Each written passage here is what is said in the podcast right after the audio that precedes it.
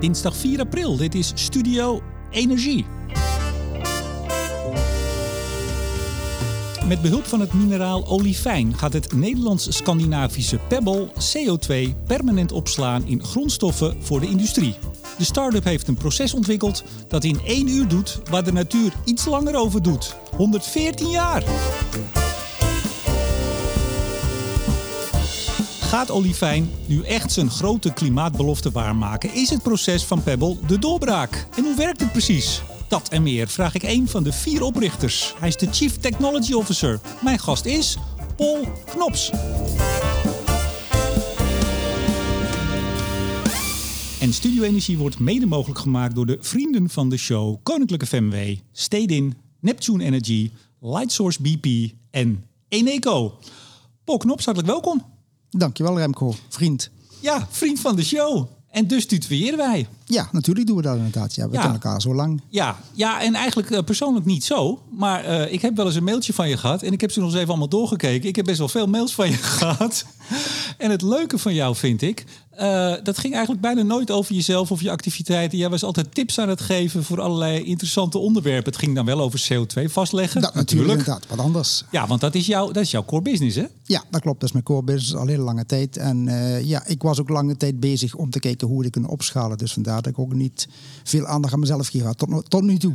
Ja, dit, dit gesprek had nog wel wat voet in de aarde. Eh, we gaan het er zo allemaal over hebben. Start-up begonnen. We zitten op de RDM campus in Rotterdam. Ja, op de heeplaat. Ja, een van de drie vestigingen, want bedunkt meteen maar begonnen in Stockholm, in, in Helsinki en in Rotterdam. Eh, en dat is al in 2021 jullie begonnen. En we hadden dus al contact, al vanaf 2020 geloof ik. En iedere keer zei, nee, het is, we zijn nog niet zo ver. We moeten nog even wachten. En eh, er was van alles. Maar Er nu was- zitten we. Ja, eindelijk inderdaad. Ja, we waren lang aan het zoeken waar zouden we terechtkomen. En eh, ja, dus op Rotterdam terechtkomen, op de heeplaat. We restore captured carbon uh, into industrial raw materials. We pu- put CO2 to good permanent use. Staat op jullie website. Ja, dat klopt inderdaad. Ja. Dus ik zeg altijd, CO2 is jammer als afvalstof. Je kunt ook als grondstof gebruiken. En dat was toen ermee begonnen, een jaar of twintig geleden, natuurlijk heel revolutionair. En ondertussen zie je meer en meer CO2 als grondstofbenadering. Ja, en dan zeg jij, alles wat met eh, olie gemaakt wordt, kan ook met CO2 gemaakt worden.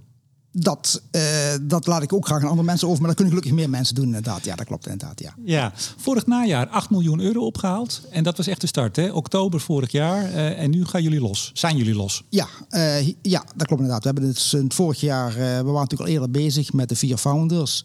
Om te kijken waar gaan we ons vestigen. En toen was de eerste investeringsronde dus 8 miljoen euro. En toen kreeg ik inderdaad een eh, bijzonder grappig telefoontje van mijn mede co-founders. We hebben een probleem, we hebben drie investeringsfondsen, die willen alle drie. Waarop ik zeg van, wat is het probleem dan? Ja.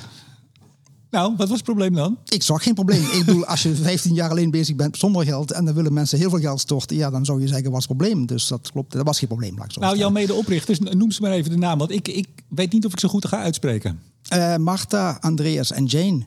Ja, dat zijn de voornamen. Oh, sorry. Sorry, natuurlijk. Ja, sorry. Ja, ja. Nou, Jane Walrus. ja Jane Wallerut, inderdaad eh, bekend van Klarna. Ik ken zelf Klarna niet, maar ik ben bang dat ik niet helemaal tot de doelgroep behoor. Maar Klarna is een eh Adyen-concurrent, zou je kunnen zeggen.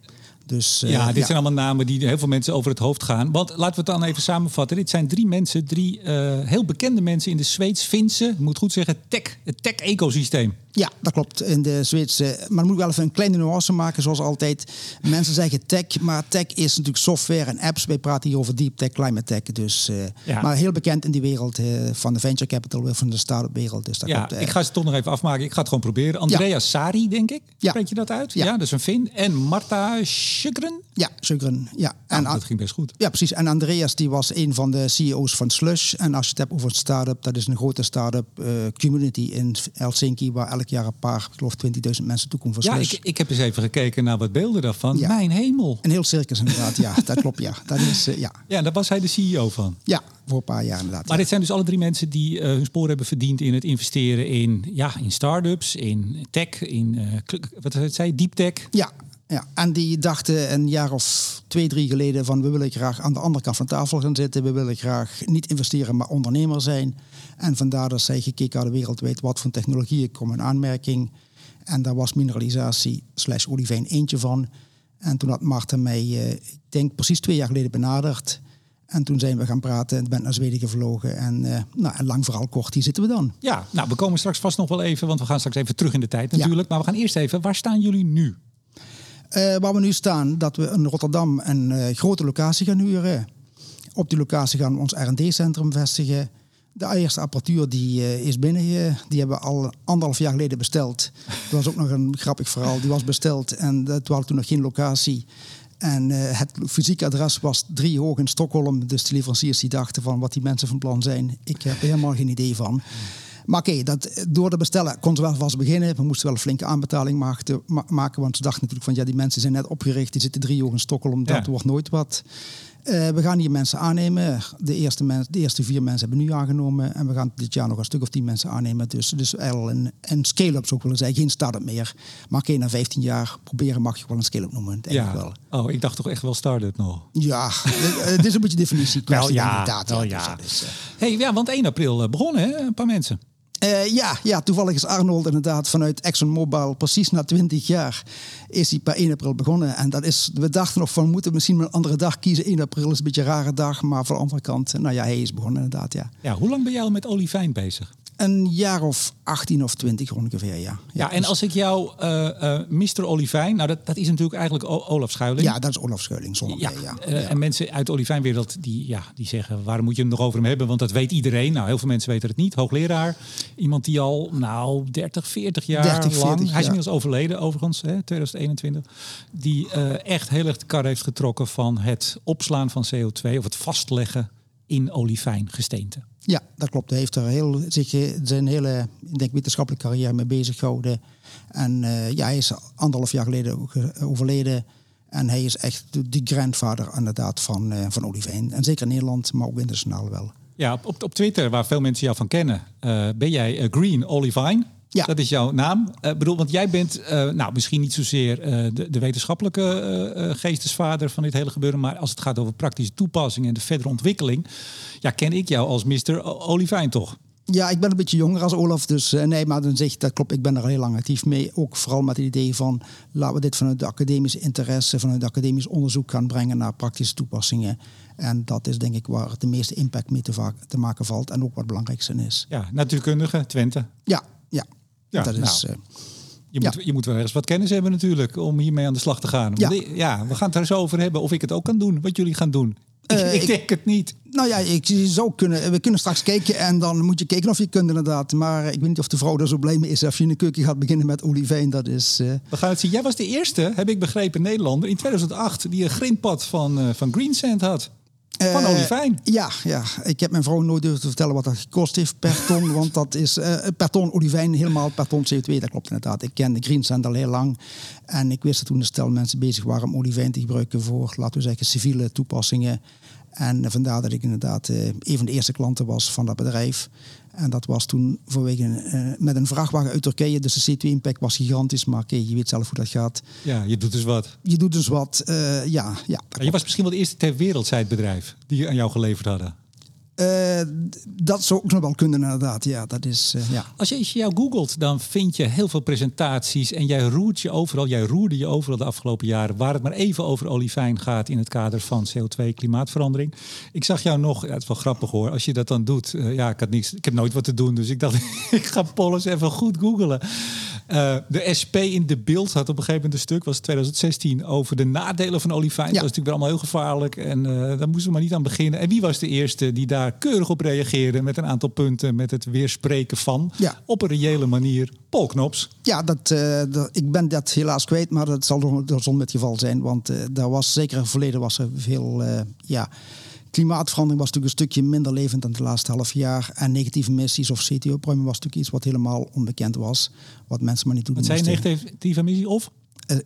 CO2-opruimen. Oh ja, zitten we op. Ja, je praat nog wel eens een beetje snel. Daar hadden we het net over voor begonnen. Ik zal een beetje langzaam. heb, je, heb je al eens meer gehoord, hè? Ja, dat hoor ik.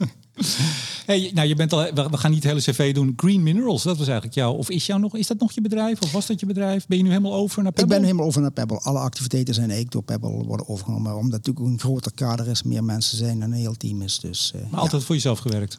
De laatste twintig jaar voor mezelf gewerkt en voor die tijd bij ingenieursbureaus gewerkt en bij andere bedrijven gewerkt. Ja, nou nog één uh, iets wat we absoluut moeten vermelden. Winnaar van de Jan Terlouw Ambitieprijs 2018. Ja, ja, dat klopt inderdaad. Ja. Ja, dat is uh, ook in dit kader, in, ook met Olivijn. En uh, helemaal mooi omdat Jan Terlouw ook in Twello woont en ook een natuurkundige is. Dus er zijn nog meer linken dan je verwacht had. Oh, je was gewoon je buurman. Uh, zei, bijna, Paul, bijna, bijna. Paul, wil jij een prijs? Joh? Krijg jij een prijs van mij? Ik kende hem tevoren niet, dus wat dat betreft. Maar het is wel toevallig omstandigheid, ja. Oké. Hey, wat is olivijn? Uh, het is een uh, gesteente, een mineraal. Uh, voor de niet-geologen die zouden het niet eens kunnen onderscheiden van andere mineralen. Maar het is een mineraal wat met CO2 reageert. Het is een alkalisch mineraal. Magnesium-ijzersilicaat. Ja, ja. Dus een, ja, een, een MG2 SiO4. Oh, ik heb genoeg presentaties op internet, die kun je allemaal vinden. Dus daar staan ook de formules op allemaal. Maar het reageert dus langzaam met CO2. Het is ook de natuurlijke thermostaat waarmee de, de natuur de CO2-concentratie in de atmosfeer laten we zeggen, op miljoenenschaal ge, ja, geregeld heeft. Ja, dus jullie gaan aan die thermostaat draaien? Uh, de, uh, de mensheid is de thermostaat aan het draaien. Dus wat dat betreft gaan we die thermostaat een beetje terugdraaien. Dus uh, ja, je kunt dat olivijn beschouwen of als natuurlijk mineraal aan gaan zeggen... oké, okay, ik zoek er toepassingen voor, zoals mijn oprit. Maar ook spoorlijnen, de hoekse lijn ligt er vol mee. Of je kunt er gaan zeggen als natuurkundige... hoe kan het het proces versnellen? En uh, nou ja, daar kom je uit ja. bij hoge druk. Maar daar komen ze meteen mee op. Ja, we, gaan, we gaan hem eens even lekker helemaal afpellen. Want uh, het is een van de meest voorkomende gesteenten op aarde, heb ik begrepen. Uh, ja, ja, dan moet ik wel zeggen, het is wel de meest voorkomende, maar op veel plekken komt het wel heel diep onder de aarde voor. Dus op plekken waar het uh, winbaar is, waar het makkelijk toegankbaar is, die zijn natuurlijk wat zeldzamer. In Europa is dat in Noorwegen, in Spanje, in Italië, laten we zeggen plekken waar vooral bergen gevormd worden daar kun je het makkelijk een oppervlakte vinden. Ja, overal waar vulkanische activiteit is geweest, hè? Ja, ja. of waar uh, continenten over elkaar heen schuiven, zoals in Noordoost-Spanje. Nou, het zal de SP en andere uh, organisaties deugd doen dat het in Nederland eigenlijk, eigenlijk niet. Dus hier nee, gaan precies, we niet ja, mee beginnen. We, hoeven geen mijnen te, we hebben geen discussie over mijnen in Nederland, gelukkig niet inderdaad. Ja, dat is nee, niet, maar dan moeten we het wel weer gaan importeren. We moeten het importeren inderdaad, ja. ja. Hey, um, 30% van de aardmantel bestaat uit olivijn, begrijp ik? Ja. Um, waarom gebruiken we nou juist olivijn? Want als je maar even het woord olivijn uh, googelt, dan krijg je van uh, wondermiddel. Dat is nee, dat is ja, wondermiddel. Dat is een van de meest gebruikte woorden als het in de, de mainstream media gaat over olivijn. Wondermiddel uh, in de strijd tegen klimaatverandering. Waarom nou juist olivijn? Ja, uh, op deze plaats, ik zou liever niet de term wondermiddel, want er is, niet, er is geen single bullet allemaal. Dan moet ik meer oplossingen hebben. Ja, dan maar... moet je naar de Telegraaf, dan moet je naar de AD, dan moet je al die kranten af, want die gebruiken ja, precies, het. maar, maar dat, waarom wordt dat... Want er zijn heel veel gesteenten die je kan gebruiken, ja, wellicht. Er zijn meer gesteenten die CO2 vastleggen. Olivijn is het meest effectieve omdat het en relatief veel CO2 vastlegt en dat het ook gewoon actieve mijnen zijn. Je kunt het materiaal bestellen en dat er al gemeend wordt. Dus die combinatie maakt het ja, uniek. Even, waarom gaat het licht uit? Omdat wij te weinig bewegen? Omdat wij te weinig bewegen okay, aan deze ja. kant. Ja, zie je, we zitten heel stil achter de microfoon. Ja. Heel goed, ik schrok toch een beetje. Ja, je, je, weet het niet wat er misgaat hier op Eiplaat. Um, hoeveel CO2 kan 1 ton uh, olivijn opnemen? Uh, grofweg 1 ton CO2 kan met 1 ton olivijn gebonden worden. Soms, soms, soms het 1,25, hangt een beetje af hoeveel ijzer erin zit, hoeveel magnesium erin zit. Maar laten we zeggen, voor het gemak even 1 op 1 dat klopt redelijk. Dat is ook meer sneller om te rekenen. Ja, maar als ik nou een hele grote brok uh, van 1 kuub olivijn gesteente neerleg, neemt hij dan lekker op of moet ik er nog wat mee doen eerst? Nee, dan, dan zal hij langs de rand een beetje opnemen. Dus dat zal heel weinig zijn. Dan moet je je voorstellen dat hij dus de 1 en 10 micrometer per jaar zal dunner worden. Dus ja, daar merk je niet veel van. van dat schiet niet op. Nee, dan, moet je het, dan, moet je het, dan kun je twee manieren doen. Je kunt het of materiaal fijner malen dat er meer oppervlakte komt. Nou, dat is de ene methode. Of je kunt zeggen, ik ga die ene kuub steen, die ga ik in een hoge drukreactor stoppen en ik ga de proces enorm versnellen. En je kunt dus beide dingen doen. Ja, wat gaan jullie doen? Wij gaan de laatste doen. Wij gaan de spul in een hoge drukreactor stoppen bij een hoge temperatuur. Dus vandaar ook Rotterdam, omdat natuurlijk hier vanuit de olie- en gasmensen en de industrie de hoge drukervaring ruim aanwezig is. Was het dat ze ook die hoge drukreactor op drie hoog in Zweden moesten afleveren? Of was dat een ander onderdeel? Dat was uh, ook die reactor. Maar die reactor die, die, die weegt 3,5 ton. Dus het was zo moeilijk om hem naar boven te krijgen allemaal. Dat is, uh, ja. ja. Toch nog even voor de natuurkundige geïnteresseerden. Hoe werkt die reactie nou precies? Want dan, dan vermaal je dus die olivijn. Heb je poeder, hele kleine korreltjes. Ja. Dat, kan je uitstrooien hè, bij, jou, bij jouw oprit. En, maar wat, wat, gebeurt er dan? Wat is, hoe werkt die reactie? Oké, okay, dan toch even. Ik moet je wel waarschuwen. Mijn ervaring is met presentaties met per chemische formule verlies je zelf een publiek, dus je bent gewaarschuwd. Maar oké, eh, CO2 komt en lost op in water. Het CO2 is koolzuur, dus ik zeg ook altijd koolzuur. Dus het is een zuur materiaal. Het olivijn uh, is magnesiumsilicaat en het magnesium zal een klein beetje oplossen. En wat je dus krijgt is magnesiumcarbonaatvorming. Dus je vormt een nieuwe gesteente uh, uit het olivijn en daarbij bind je de CO2 permanent. Dus eigenlijk kun je zeggen, het is een reactie tussen het koolzuur en het alkalische magnesiumsilicaat. En dan krijg je magnesiumcarbonaat en silica. Eigenlijk kun je zeggen, als je de volgende keer naar Engeland gaat en de rotsen van Dover, dat was geen olivijn, maar het is ook magnesiumcarbonaat en calciumcarbonaat. Dus een, je vormt een nieuw gesteente, je vormt een carbonaat. Ja, maar het is een kringloop. Dus hoe, hoe, hoe komt dat weer rond? Die carbonaten die zakken weer heel langzaam naar de diepere aardsfeer. Die komen daar in de buurt van vulkanen. En die vulkanen die, uh, gaan die carbonaten weer uit elkaar halen. Die imiteren CO2. En die vormen die uh, magnesium en die calciumoxide. Daar komt silica bij en dan vormen we weer olivijn. Dat we heel langzaam naar oppervlakte komt. Okay. Maar dat proces is natuurlijk wel een proces van miljoenen jaren, misschien zelfs miljarden jaren. Ja, maar even dus olivijn, uh, ruim voorradig, ja. uh, reageert als een van de beste met CO2. Ja. Dus bij uitstek geschikt om te gebruiken als je iets wil doen. Als je iets aan die thermostaat wil draaien of aan, die, aan, de, aan, die, aan de knop, zeg maar. Hè? Aan de, ja. ja, dat. Wat zijn de nadelen? Uh, de eerste plaats, je moet natuurlijk importeren in Nederland. Maar oké, we importeren natuurlijk meer materialen. En de tweede plaats, er zit natuurlijk ook nikkel en chroom in. Er zit wat ijzer wacht even, je moet importeren. Je moet heel veel importeren. Je, je hebt heel, heel veel nodig. Ja, je ligt aan hoeveel... Uh, ja, je moet heel veel importeren. Als je natuurlijk alle CO2 wereldwijd of alle CO2 in Nederland wilt, wilt, wilt binden met CO2, dan moet je heel veel importeren. Maar je kunt er ook omdraaien. Je kunt ook zeggen van oké, hoeveel materiaal wil ik maken? En hoe, zoveel, zo moet je importeren. Je maakt een carbonaat, je maakt een soort kalk.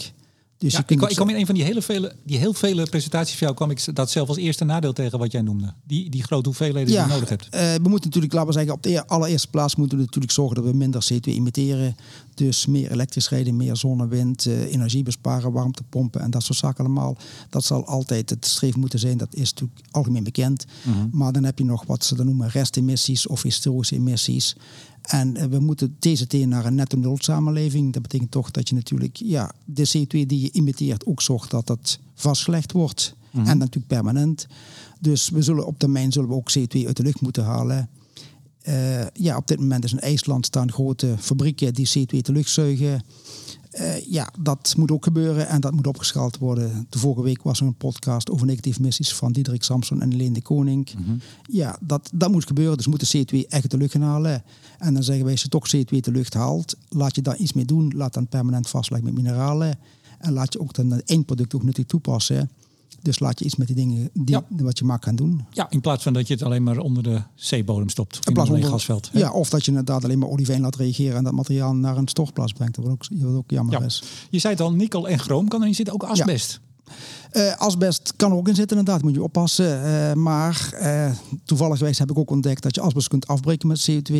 Dus ik heb nog, ik heb nog een tweede prijs gewonnen, de Rabobank Innovatieprijs. Ja, dat had je ook natuurlijk gezien of toch niet? Ja, als beter. Ja, als beter inderdaad. Ja, ja dat klopt. Want uh, een jaar of vijf terug dacht ik van olivijn kan asbest bevatten. Toen dacht ik vanuit een academische interesse, laten we kijken of asbest ook met CO2 reageert. Ja, dat was inderdaad ook zo. Met een compagnon heb je dat gedaan? Ja, met Ines Postema hebben we dat gedaan inderdaad, ja. Ja, ja maar jij stuurde mij op een gegeven moment een van jouw, uh, ja, als ik zeg vele mailtjes, dan ja. klinkt het heel negatief. Nee, maar, maar nee, jij, jij stuurt veel mailtjes en, en, uh, en, interessant hoor.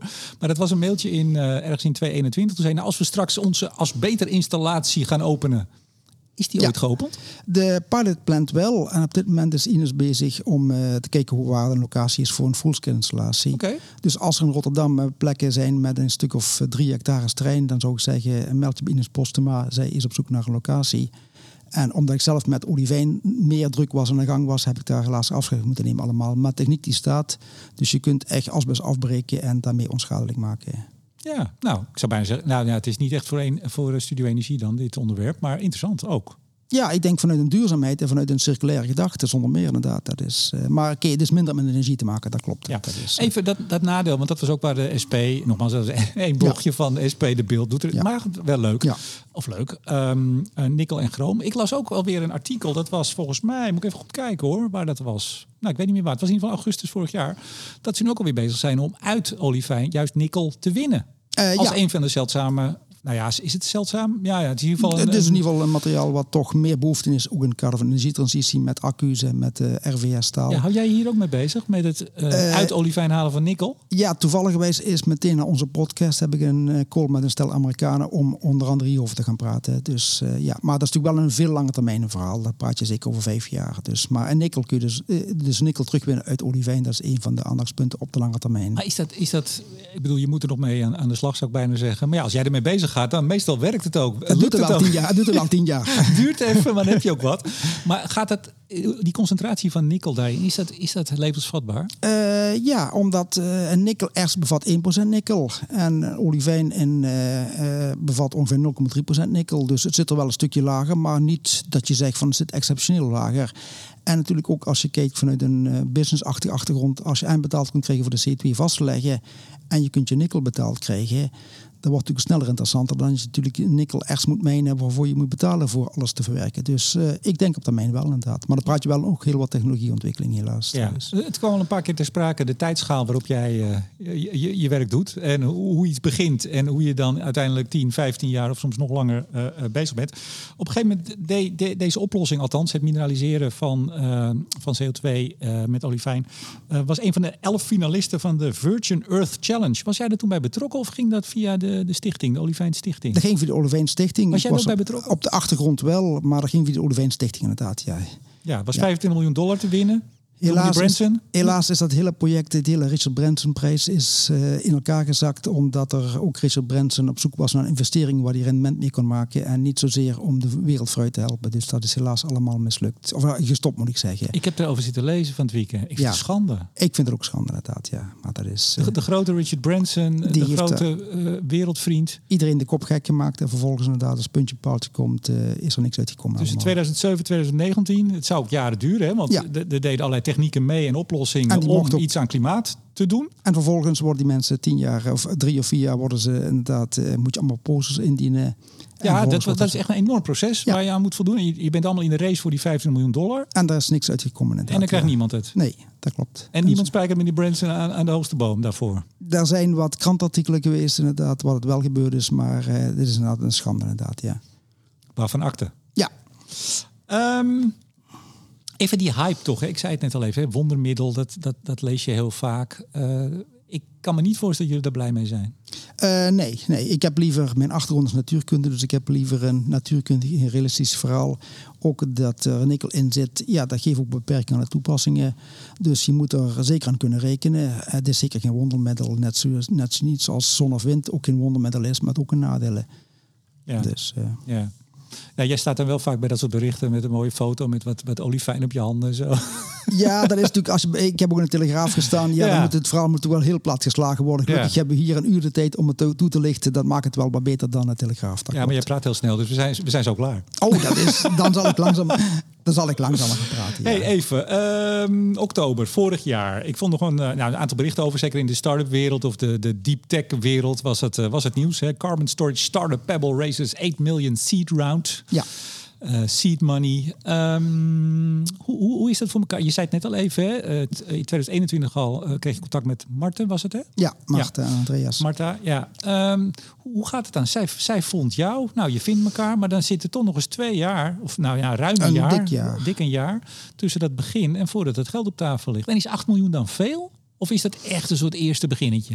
Eh 8 miljoen is een eh, eerste begin. Ik zou niet beginnetje willen noemen allemaal. Maar eh, nee, dat klopt inderdaad. Je, je komt bij elkaar. Je gaat met elkaar overleggen. Je gaat kijken hoe ga je het aanpakken.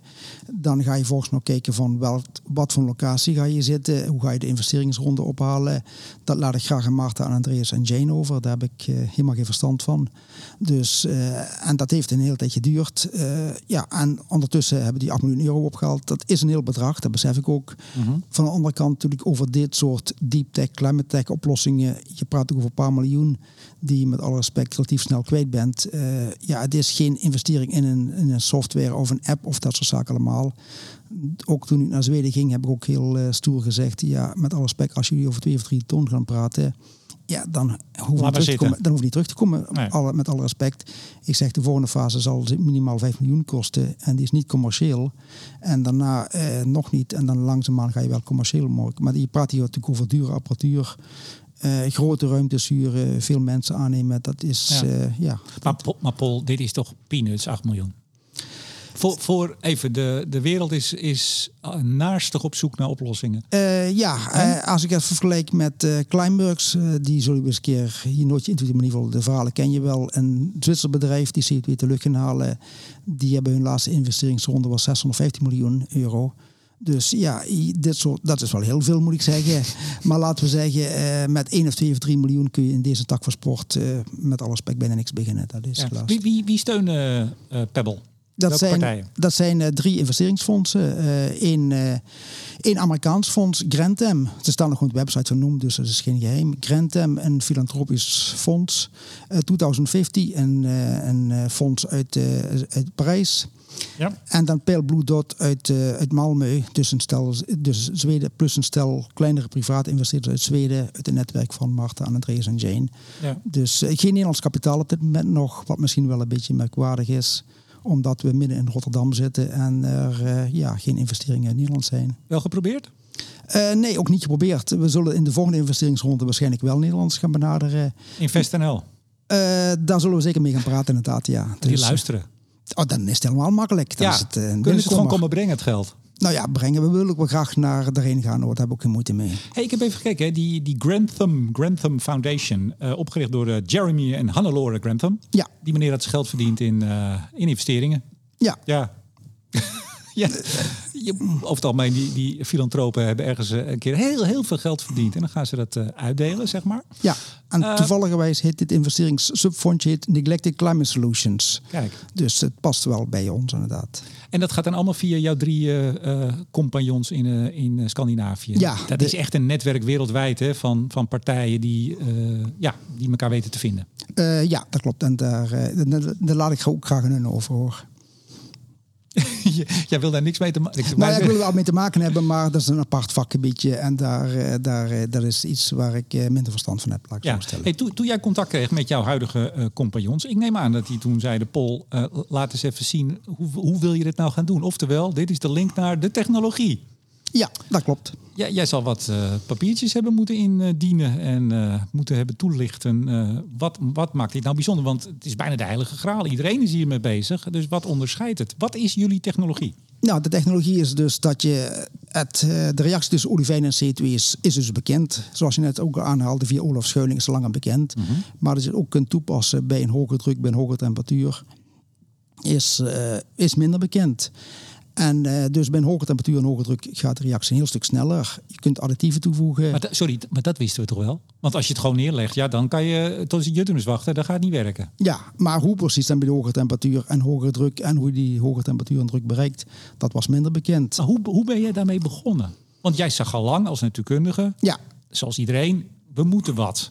Eh, we moeten wat. En ik dacht ook van, we moeten wat, maar moet ik zorgen dat het opschaalbaar is. Ik ben ermee begonnen omdat toevallig mijn allereerste baan was bij een eh, slipverwerker in Apeldoorn. En daar hadden we een proces waar we een hoge druk en hoge temperatuur hadden. En toen ik met olivijn ging bezighouden, had ik gezien in de literatuur dat er onderzoek was en dat je minimaal 180 graden nodig had en 100 bar, of nee, laten we zeggen, liefst 100 bar CO2-druk nodig had. En toen dacht ik van, nou ja, vanuit mijn allereerste proceservaring met die hoge druk en hoge temperatuur, dacht ik van, nou ja, die procescondities mag je bereiken.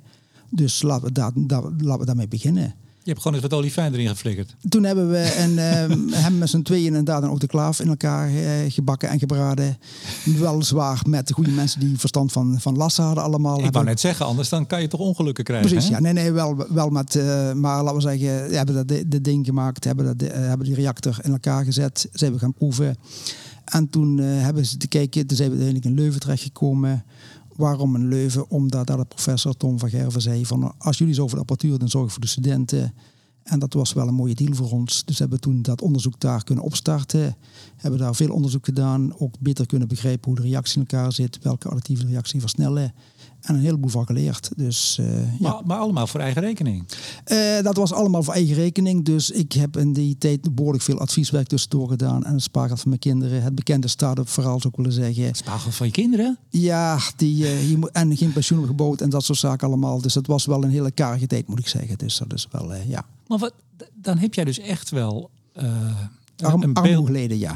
Eh, nou, dat wou ik niet zeggen, maar je hebt ook nog een vrouw, zeg je. Eh, dat, dat, daar moet wel het hele gezin achter staan. Eh, of je moet niet alles vertellen, dat kan ook nog een mogelijkheid zijn. Luistert ze naar deze podcast? Ik, ik zal haar zeggen dat hij draait, maar ze, weet, ze weet niet alles, laat ik het zo formuleren. Maar wat was je, was je ik, ik zeg even, was je erdoor bezeten? Eh, wa- was het een nat- natuurkundige uitdaging van dit moet ik kunnen oplossen? Wat dreef je? Nee, het was meer dat je denkt van oké jongens, dit is een oplossing die meer aandacht eh, moet, die eh, moet krijgen, die nog een stel academische vragen heeft. En ook natuurlijk op termijn zag ik al tien jaar terug dat je naar een negatief missies moet komen, een netto nul moet komen, een permanente CO2-vastlegging moet komen. Wat toen natuurlijk op dat moment een heel academische oefening was. En eh, dat was eigenlijk wel mijn motivatie van oké, de markt zal uiteindelijk toch wel deze kant op komen. Eh, de CO2-prijzen zullen gaan stijgen. Dus dat was wel een hele ja, drive en motivatie om dat te gaan oppakken. Dat is, eh, ja. Nee, want toen ik jou eh, op afstand leerde kennen, zo gaat het tegenwoordig. Ik weet niet Ja. of je een mailtje stuurde of een berichtje op LinkedIn of zo.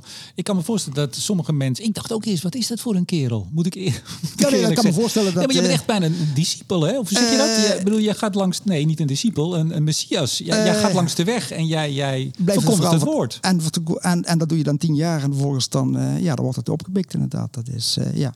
Het is denk ik een combinatie tussen en en geloven en natuurlijk ook de natuurkundige principes vooropstellen. Mhm. Maar ook natuurlijk nadrukkelijk van oké, op termijn ja, zul je ja, naar een netto nul samenleving moeten.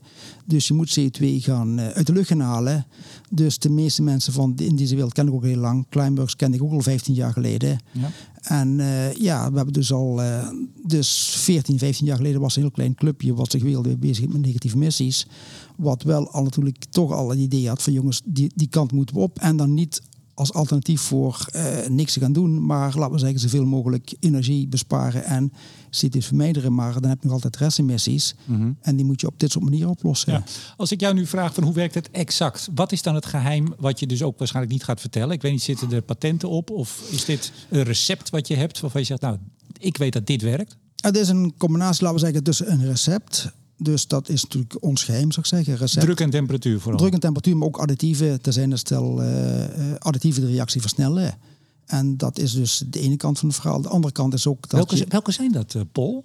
bakpoeder, dat kan ik wel vertellen. De natriumbicarbonaat, maar Ja. laten we zeggen voor de, voor de huisvrouwen bakpoeder onder ons. Maar de- je hebt er ook die je dus niet gaat vertellen, denk ik. Wij gaan er nog meer onderzoeken. En ja, dus we zijn ook een stel die we willen liever voor onszelf willen houden. Ja. Ja, nee, dat snap ik. Maar heb je, heb je patent?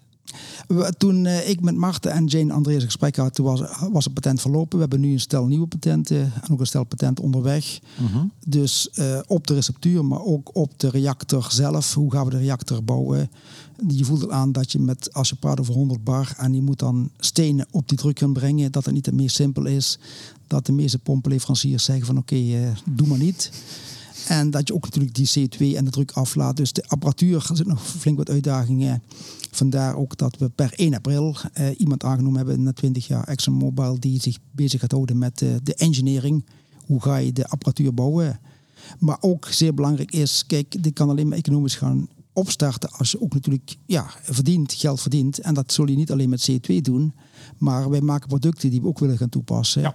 En dat is ook dus, vandaar ook CO2 als grondstof, maar niet materiaal gaan maken om naar stort te brengen, maar materiaal gaan maken, gaan maken voor klanten. Ja, daar, ga- daar gaan we het zo nog even over Ja. hebben. Maar even, eh, eh, jullie reactor, dat is hem dus straks. Hè? Jullie bouwen straks een reactor. Ja. En die, eh, ga je die zelf allemaal bouwen en verkopen? Of ga je de technologie eh, Wij zullen, verkopen? wij zullen op termijn de technologie verkopen, licenties, maar waarschijnlijk zullen we de eerste één of twee wel zelf gaan bouwen, omdat je natuurlijk en bij wilt zitten en ook natuurlijk technologie garanties wilt geven. Oké, nou ik zit dan hier in eh, Rotterdam. Ik heb een bedrijf. Ik heb eh, veel CO2-uitstoot. Ik kan dat bij de schoorsteen of vlak daarvoor kan ik dat eh, er- eruit halen. Dan ehm, koop ik jullie reactor. Ja, maar dan gaan we eerst praten van even in de, de fysica, om even terug te gaan naar de fysica. Je hebt 1 ton CO2, dan moet je 2 ton olivijn kopen en dan krijg je 3 ton eindproduct. Dus je voelt al aan, die 3 ton eindproduct zal ook heel bepalend zijn wat je ermee doen gaat. Wacht even, hoeveel, nog even. Ga je nou 1 ton olifijn, gaat hij nou 2 ton CO2 opnemen? Eh, ja, sorry, daar ik me toelichten. Eh, Ja, ik we, zei, we hebben een sprong gemaakt. ja, precies. Ik zei in het begin 1 op 1. Dat klopt ook wel als je magnesiumbicarbonaat maakt, als je een vloeistof maakt. Maar als je een vaststof maakt, wordt het 1 op 2. Oké. Dus dat is... eh, Er staat op jullie website een mooi plaatje, een mooi schematisch plaatje. Ik dacht, laten we die even proberen te verwoorden. Maar mensen kunnen anders gewoon even- ook even gaan kijken bij pebble.com. Ja. Pebble moet ik wel zeggen, hoe schrijf je dat? P-A-E-B-B-L. ja, Ja, let op. P-A-E-B-B-L.com. Je komt met olivijn aan. Ja, Dat, daar doe je wat mee. Daar gaat de reactor in. Dat vermaal je. Dat maak je klein. en dat gaat in de reactor. CO2 erbij. En that's it. dan laat je het reageren. Dan komt dus magnesiumcarbonaat en silica wordt er gevormd. Dan moet je de druk aflaten. En dan komt er dus een vaste stof uit. Ja. En wat doe je ermee? Ja, dat is dus eh, ons, eh, ik wil niet zeggen ons hoofdwerk, maar toch wel zeker de helft van ons werk is, wat doe je daarmee? Onder andere eh, papier. In papier is behoorlijk veel kalk. Dus de kalk in papier kun je vervangen met dit soort kunstmatige kalk. En natuurlijk beton. Beton is behoorlijk CO2-emitterend. Dus eh, je kunt het ook als alternatief voor cement gebruiken en ermee dus beton maken die minder CO2 emitteert. Nou zag ik op jouw website eh, Green eh, Minerals. Had je het ook over polymeren? Ja, en als derde kunststoffen. In kunststoffen worden behoorlijk veel talk, wolfseniet en calciumcarbonaat toegepast. Dus je zou kunnen zeggen van oké, laat die fossiele delfstoffen in de grond zitten, maak je eigen kalk. En vandaar ook een oproep aan de chemische industrie. Ja, wij maken een soort kalk, een soort talk, een soort wolfseniet. Eh daar zoeken we toepassingen voor. En dan willen we graag contact komen met klanten die dat graag willen toepassen. Nou, de VNCI die luistert vast ook. Ja, precies. En dat zou een mooie aanvulling zijn op het Voltagem-onderzoek. Dat je behalve elektrochemische omzetting van CO2 ook nog een keer mineralisatieomzettingen gaat bereiken. Ja, nou koop ik papier wat gemaakt is met jullie grondstof. Ja, En dat papier, dat, eh, dat heb ik allemaal leuk zitten volkladderen. En dat steek ik uiteindelijk in de fik. Dat is voor papier is de CO2-vastlegging niet zo goed als bij beton. Dat zonder meer. Nee. Dus dat, is, dat klopt, dat hoor ik wel vaker. Van de andere kant, anders had je natuurlijk evenveel papier gekocht met gemaakt met fossiele kalk. Ja. En dat was CO2 vrijgekomen, dus is zeker beter. Nee, dus daar heb je het over eh, netto, netto, netto nul, zou ik maar zeggen. Ja. Eh, maar met het vastleggen en het permanent vastleggen, want zo begonnen we ook de podcast. Dan hebben we het over bouwmaterialen die, ja, 100, 150 jaar, hè, dat is, Precies. per- En die, dat die- permanent. Precies, ja. En die niet in de fik gaan steken zoals beton. Dus wat dat betreft, dat klopt, ja. Ja. En ook, ook bovendien een veel grotere markt. Dus wat dat betreft is beton een interessante markt. Alleen het nadeel van beton natuurlijk is wel dat het heel erg gereguleerd is. En dat je je lange tijdstesting moet doen allemaal. Dus wat dat betreft is papier een mooie aanvullende markt. Ja, ik zag jouw compagnon eh, Sari, dat is achternaam. Ja. Wat is zijn voornaam ook weer? André... Andreas. Andreas, sorry, ja. Andreas. Eh, die had het in een van de interviews, toen jullie dat geld hadden opgehaald, over dat er 4 miljard ton cement wordt gebruikt per jaar. Dus ongeveer 8% van de wereldwijde uitstoot, Ja, zei hij. Ja. En jullie kunnen daar een, een deel van vervangen. Toen dacht Ja. ik, hoe groot zou dat deel kunnen zijn? Nou ja, zelfs al zou het 2 of 3, 5 procent zijn allemaal. Je praat meteen over miljoenen tonnen allemaal. Dat klopt. Dus eh, ja. Ja. En als het gaat over eh, beton, cement dus, ehm, dan, dan zit dat dus in eh, de betonmuur, zou ik maar zeggen. Ja. Daar zit de CO2 dan in. Maar goed, een gebouw komt een keer aan zijn levenseinde. Dat kan even duren. ja. En wat dan?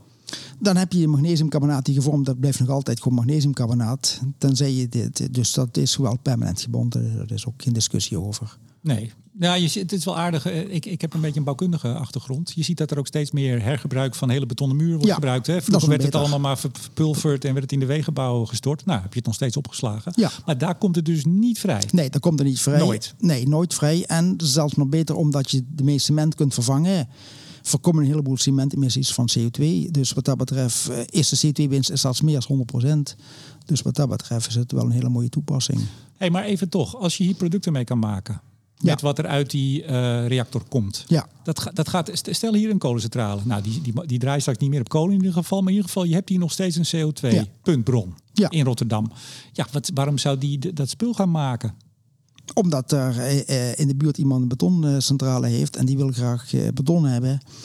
Dus eh, ja, Maar, dus maar, maar Uniper gaat toch niet in de, in de productie van bouwmaterialen zitten? dat was inderdaad een belangrijk eh, probleem wat ik had de laatste tien jaar. Aan de ene kant wilde iedereen graag de CO2 leveren, maar ik zocht vooral mensen die het product willen toepassen. Ja. Want daar zit ook ja, die 1 ton CO2 en 2 ton olivijn en 3 ton 1 product. Die voelden aan dat die 3 ton 1 producten heel belangrijk zijn. Dus vandaar was het probleem dat er eh, ja, de goede sector te bereiken. Maar, maar kan je je dan niet voorstellen dat er een combinatie wordt gemaakt? Dus stel dat Uniper zegt, nou ja, wij willen eh, uitstootneutraal. Wij willen niks meer uitstoten. Zet maar zo'n ehm, zo'n reactor neer. Oh, het licht gaat weer aan. Ja, ik, be- ik bewoog met mijn handen. Zet zo'n reactor neer.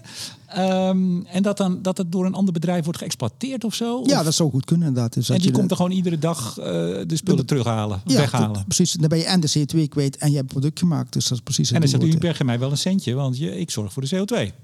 Ja, en dan moet je natuurlijk eh, misschien samen met Jos Rozijnse gaan praten wat de CO2 moet kosten dan tegen die tijd. Maar dat, is, eh, dat klopt. Eh, Ja, j- j- jullie kennen elkaar natuurlijk, hè? Jij en Jos. ja, Jos en ik kennen elkaar ook al inderdaad. Ja. We zitten allebei al langer tijd in deze tak van sport. Is, eh, ja. Zouden er mensen zijn die Jos Kozijnse niet kennen? Nee, dat kan me niet voorstellen. kan me niet voorstellen. is, eh, Nee, Google hem anders maar even. of twitteren maar anders. Twitter maar anders, ja, ja zeker. hey, even, we gaan het over geld hebben. Ja, Dat moet helaas. ja nee, dat is natuurlijk toch. Heb eh, jij je daar, de, de- toen je begon, heb je je er überhaupt mee bezig gehouden? Hou je er nu nog mee bezig eigenlijk? eh, een beetje wel, maar niet zo heel intens moet ik eerlijk zeggen. Maar mijn compagnons wel inderdaad, ja. Ja, want wat, de voorwaarden. Want je kan het proces straks... ik ga ervan uit dat het draait straks, Ja. dat het werkt. Ja. Dat alles wat jij zegt waar is. Dan moet je natuurlijk altijd bij Starter Scale-ups nog Ja. even, even afwachten. Maar Ja. daar ga ik altijd vanuit als ik een gesprek heb in het kader van Starter Scale-up. Maar dan kan ik me voorstellen dat er een aantal dingen moeten gebeuren. Om te beginnen moet je nou, in ieder geval in de buurt komen van de prijs van de producten die nu worden gebruikt. Ik kan me voorstellen dat er een premium op zit. Er zit een soort premium op, Ja, dat klopt. Zeker. Maar goed, je kan het niet... eh, Die, drie keer duur verkopen, Nee, dat, precies. dat kan niet inderdaad. Even los van die premium. Gewoon even het maken van straks eh, eh, cement. Waar, waar, waar, waar, waar denken jullie aan? Waar zit je als het gaat om in relatie tot bestaande producten nu? Eh, dan denken we aan een kleine premium. Op de eerste plaats natuurlijk, de prijs van zal ook stijgen omdat de CO2-prijs gaat stijgen. Dus hoe raar het ook klinkt, hoe duurder de CO2 wordt, hoe beter voor ons proces is. Dus dat is al in ieder geval wat in ons voordeel werkt. En natuurlijk hangt het ook af van de schaalgrootte. Maar laten we zeggen, op grote schaalgrootte zullen we redelijk eh, prijscompetitief zijn. Je hebt Al zonder die premium. Dus gewoon even puur op kale eh, hangt, kosten. eh, hangt natuurlijk van de schaalgrootte af. En dan moet je Ja. natuurlijk niet de eerste installatie, die zal natuurlijk duurder zijn. Maar dan moet je de, de vierde of de vijfde of de tiende installatie, dat klopt. ja? Je, je hebt een proces waar je eh, ja, 1 ton CO2 nodig hebt. En voor je die betaald krijgen, je moet 2 ton olivijn inkopen. Je hebt 3 ton eindproducten. Dus je voelt al aan dat daar, ja, eh, drie, cement kost even snel gezegd 100 euro per ton. Het zal TCT wat hoger worden. Het olivijn kost, eh, laten we zeggen, voor het gemak 60 of 70 euro per ton. Dus 2 ton olivijn, laten we zeggen, voor 120 euro voor de, samen. En 3 ton product die je kunt verkopen voor 300 euro. Nog een beetje voor de C2. Ja, dan voel je wel dat het een interessante business case wordt. Ja, en, en dan die premium. Want ik heb, ik heb ook eh, de, de baas van Tata Steel wel eens horen zeggen dat inmiddels, ik dacht dat hij BMW noemde, maar dat weet ik niet meer. In ieder geval automerken inmiddels Ja. bereid zijn om eh, meer te betalen voor staal dat, dat eh, eh, nou, carbon neutral of hoe dan maar ook geproduceerd is. Dat, dat gaat steeds meer worden. Dat gaat hè, steeds die meer premium. worden, klopt, ja. ja. Hebben jullie dan al gesprekken met mogelijke afnemers om af te tasten van waar zit dat dan, die premium? Hoe hoog kunnen we dat? Dan Inschatten? beginnen nu, die gesprekken beginnen nu gevoerd te worden. Om natuurlijk, we moeten eerst materiaal gaan maken. En daarmee de producten gaan testen. En dan kijken hoe goed producten zijn. En dan kunnen we dan gaan praten met afnemers van oké, hoeveel ben je bereid te betalen? Hoe ben je meer bereid te betalen? Dat klopt.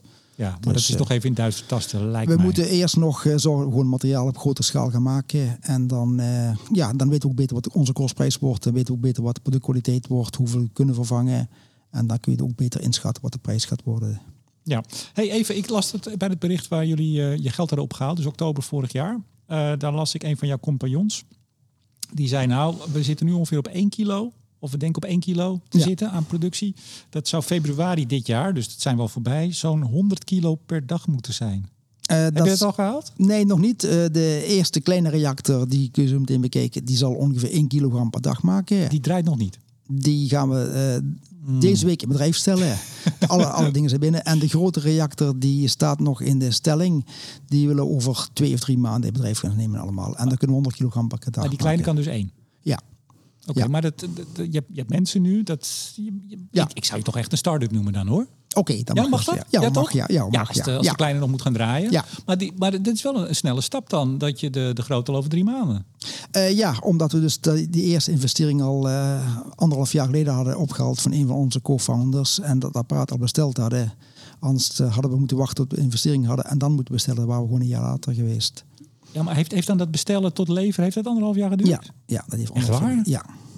Weet je? Ja, dat zijn, eh, dat zijn dure apparaten, dat zijn grote apparaten. En het probleem was ook dat de leverancier had wel in zijn, catalogus staan. Maar het was de eerste keer dat iemand zo'n zo'n 500 liter vat bestelde. Dus het was voor hem ook nog wat uitzoeken. Maatwerk.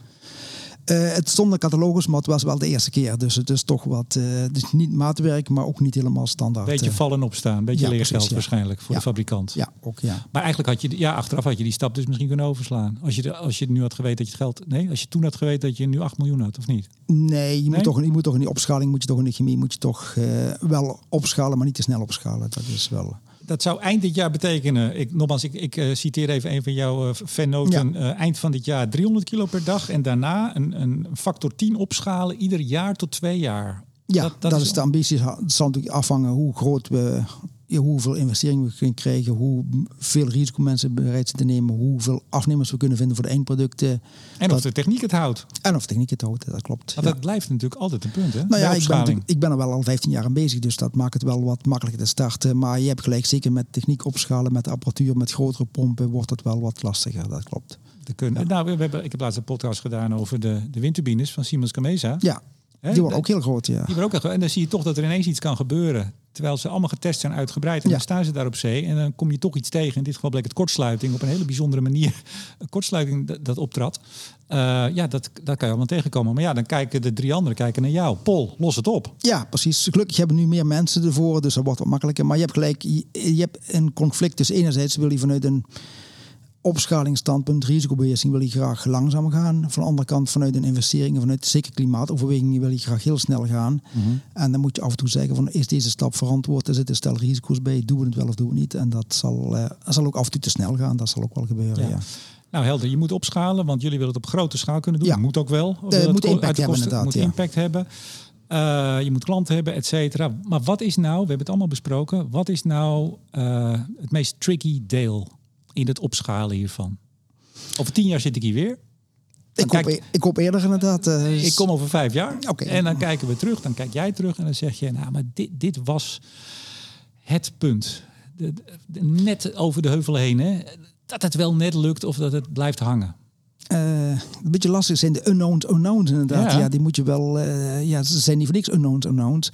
Ik denk uh, de, toch vooral apparatuur... dat je toch ja, stenen met hogere druk, hogere temperatuur... moet rondpompen, moet laten reageren. Dat is toch... we hebben zitten zoeken naar vergelijkbare processen... om te kijken van wat lijkt erop. Dus hebben we ook gaan kijken naar Belgrado... naar een grote bauxietverwerker...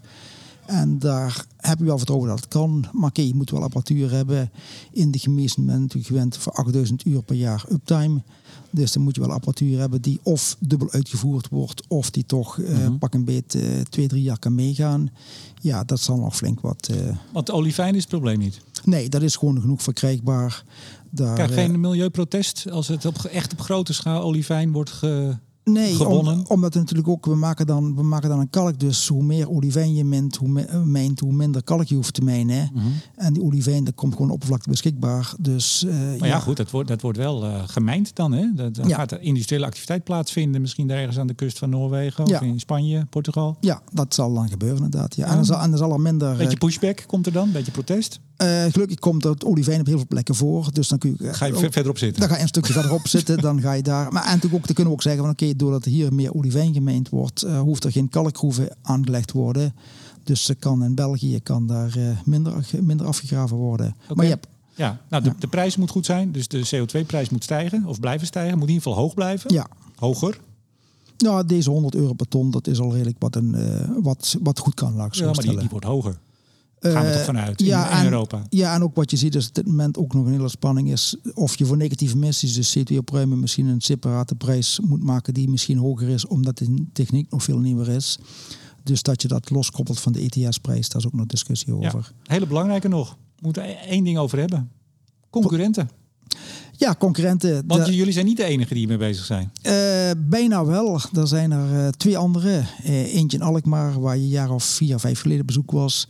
SCW Systems? Ja, SCW Systems inderdaad. En, en in Australië MCI. Dus er zijn inderdaad wereldwijd drie bedrijven met dit actief. Maar SCW is toch niet met olifijn bezig?